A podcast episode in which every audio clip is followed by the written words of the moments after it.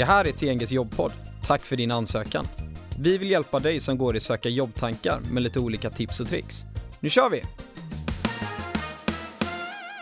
Idag ska vi diskutera myter när man söker jobb. Och en av de vanligaste myterna är att man ska ringa rekryteraren när man söker jobb. Vi har ställt frågan på stan och eh, tänkte att vi skulle lyssna igenom det innan jag presenterar vilka jag har med mig här i studion. Tycker du att man ska ringa rekryteraren när man söker jobb? Om ja, varför? Jag har ju fått det tipset många gånger att man ska ringa en rekryterare och vara framåt och på men jag kan känna ibland att det, det kan störa dem. De kan bli lite, alltså är de intresserade av dig så är de intresserade ändå. Så jag, jag har lite svårt för det här att ringa upp och hålla på. Jag känner mig lite som att jag jagar dem då. Jo men det kan väl vara bra att få lite bättre kontakt än över kanske bara mail. Så man, eh, man liksom får en känsla av vem den här personen är. Nej, jag tycker inte man eh, behöver göra det om man inte har någon speciell fråga man vill ställa. Ja, det tycker jag absolut. Därför att man eh, får eh, prata med personen in real life liksom. Så det blir lättare att eh, inte bara bli ett papper i högen. Ja, det här bekräftar ju verkligen myten. Idag i studion har jag med mig Gustav Hej hej. och Jenny. Hej. Båda som jobbar som rekryterare hos TNG. Själv heter jag Mattias och kommer leda den här podcasten idag.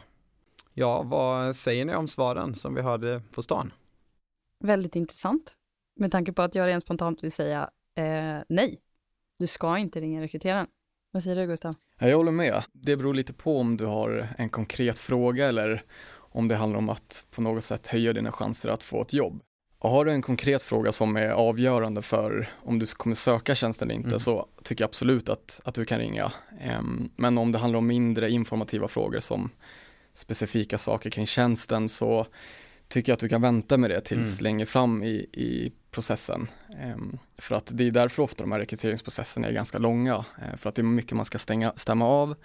Em, och eh, man kommer ges möjligheter Mm. längre fram att få svar på alla sina frågor och om, om tjänsten som man söker. Mm. För det, det som jag tänker på, alltså får uppfattning om när man lyssnar på intervjuerna på stan, det är ju att man gärna vill bygga en personlig relation till rekryteraren. För oss är det viktigt att det blir så objektivt urval som möjligt, det, vilket innebär att så många som möjligt ska ha chansen att söka. Därför är det svårt kanske att vara top of mind hos en rekryterare i början, i och med Mm. att alla får söka och i vårat fall så är det ofta tester i början som man ska göra. När testerna är gjorda så kommer vi att återkoppla. Så har du en tjänst som du är intresserad av, eh, gå in via vår hemsida och gör testerna. Mm. Det är utefter det som vi kommer att återkoppla till dig om det visar sig att eh, kompetenserna matchar det kunden söker. Mm. Eh, och det kommer i så fall visa sig på testet. Eh, och därav kommer vi att ringa dig och då spelar det heller ingen roll om du har ringt mig i början av processen eller inte. Ja, bra tips. Det finns ju en, eh, en del myter eh, när det handlar om att söka jobb. Jag tänkte att vi skulle beta av några stycken här. Eh, och en som jag själv är ganska intresserad av att höra vad ni tänker om det är ju att man inte ska söka fler jobb hos samma arbetsgivare eller samma företag.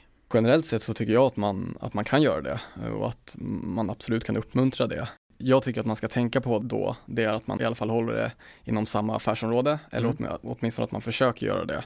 Eh, Är det så att vi ser att en person har sökt fler jobb inom flera olika affärsområden så kan det upplevas som lite spretigt, Mm. att man inte riktigt vet vad den här personen vill göra och varför man har sökt de här tjänsterna. Och därför tror jag också att det är viktigt att när man, när man söker fler tjänster eh, hos samma rekryteringsföretag eller samma arbetsgivare, att man har en bra motivering till varför man söker just den här tjänsten.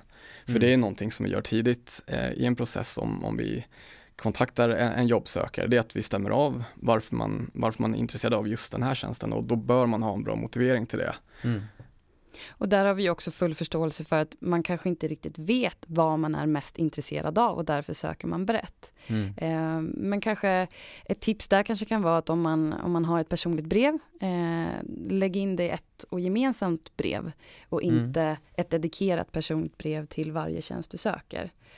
Eh, för en bättre samlad bild och då kanske en bättre förståelse för oss också inte öppna flera olika dokument utan det är ett och samma. Men sen förstår man ju också som rekryterare att framförallt kanske nyexaminerade att man söker många tjänster eh, för att man är i ett behov av ett jobb och, och det är inte alls något konstigt. Men då bör man ändå ha koll på vilka tjänster man har sökt och varför man har sökt just de specifika tjänsterna. Ja men jättebra. Jag hoppar vidare till nästa myt. Att ett CV inte ska vara längre än ett A4. Mm. Vad säger ni där? Jag skulle, en sanning med viss modifikation. Ja, Eh, som rekryterare tänker man nog ganska ofta, eller vi tänker att det ska vara ganska lättöversiktligt, Mm. eh, strukturerat, det ska vara, man ska snabbt kunna få en bra överblick. Det kan ju vara så att det är väldigt många som söker. Eh, så att välstrukturerat, tydligt CV, en liksom, där du har spesat upp allting du har gjort eh, längs med de olika jobben och kanske också lägga extra krut på eh, de senaste jobben mm. eh, och lyfta fram det som du tror är absolut relevantast för det här jobbet Mm. som du söker. Och jag håller med och man kommer ändå som jobbsökare få utrymme att berätta om sina tidigare erfarenheter vid till exempel en, en jobbintervju om man skulle komma till det skedet. Eh, Så jag tror inte man ska vara, vara rädd för att kanske lämna ute vissa bitar som man gjorde för flera år sedan och som kanske inte är så relevanta för den tjänsten som man söker. Mm. Så att jag tror verkligen, precis som Jenny säger, att man ska hålla sig till det som, som är eh, relevant för tjänsten och, eh, och hålla det kort och koncist. För ofta är det ju så att när vi sitter i, i de här processerna och läser igenom en mängd CVn att, Mm. Att man letar efter vissa saker i CVn eh, som är relevanta för de här tjänsterna och de ska vara lätta och, och tillgängliga att se. Det är egentligen det första man ska se när man öppnar ett CV. Mm. Och om man då har ett CV som är flera sidor långt så, så behöver vi sitta och leta och det gör att Vi kanske tappar mycket Ja, ta också. lite längre ja, tid. precis, Ja. precis. Nej men det, det är bra, alltså försöka hålla det eh, relevant som du sa där Jenny Mm. eh, Mm. och fokusera på de sakerna som är Mm. viktiga inför kommande tjänst då. Verkligen. Hur långt ska ett CV vara då? Det finns lite olika sätt att se på det, men jag skulle vilja säga att har du jobbat länge, säg x antal år, eh, du har haft mycket erfarenhet, Mm. men max två sidor. Har full förståelse för att man har gjort mycket, det kan ha varit olika tjänster, det kan vara specialistroller, det kan vara chefstjänster. Eh, men det viktigaste är att lyfta upp det som är mest relevant för det jobbet du söker nu. Mm. Men glöm inte bort att skriva det andra. Du kan, du kan skriva det under övrigt till exempel Mm. eh, med årtalen. Men max två sidor, men vi har förståelse för eh, att vissa har gjort mer än andra. Ja, så regeln blir egentligen att hålla det så kort som möjligt och precis som Jenny säger att har man jobbat väldigt länge så försök att korta ner det till max två sidor. Mm. Eh, Det gör vårt jobb mycket enklare. Det gör att CVt ser mycket bättre ut och, och man lyfts fram på ett bättre sätt egentligen. Och är man, har, eller har man mindre arbetslivserfarenhet så försök att korta ner det till en sida. Okej, så om jag förstår det rätt så lång erfarenhet, två av fyra sidor, eh, lite kortare erfarenhet, ett av fyra. Ja, det låter jättebra. Bra. Då ska vi hoppa in i nästa myt. Fritidsintresse, att det ska vara med i det personliga brevet. Eh, generellt sett skulle jag säga nej. Vi letar efter kompetenser och, och tidigare relevant arbetslivserfarenhet. Så vad du gör på, på din fritid, det är inte särskilt intressant för oss som rekryterare. Mm. Om det inte har att göra med den här tjänsten. Eh, om du till exempelvis eh, jobbar med IT och du sitter och kodar hemma och det på något sätt skulle göra att du skulle passa bättre för den här tjänsten, absolut, skriv med det som ett intresse. Men inte andra saker som inte har någonting med tjänster som du söker att göra. Mm. Ja, men verkligen, och använd ditt CV och ditt personliga brev gemensamt. Alltså det, det som kanske du inte fick chans att beskriva i CVt. Skriv några extra rader om det i ditt personliga brev och koppla kompetenserna däremellan och också få lite mer utrymme att förklara vad du menar. Mm. Det är mycket mer relevant än vad man gör på fritiden. En annan myt som jag skulle vilja prata med er om, det är eh, om man ska dölja på sitt CV att man har varit arbetslös. Jag tycker verkligen inte att man ska göra det. Eh, ärlighet vara längst som det så fint Mm. heter. Men eh, där är ju vi mer nyfikna på att höra kring varför. Det Mm. finns ju säkert jättemånga olika orsaker.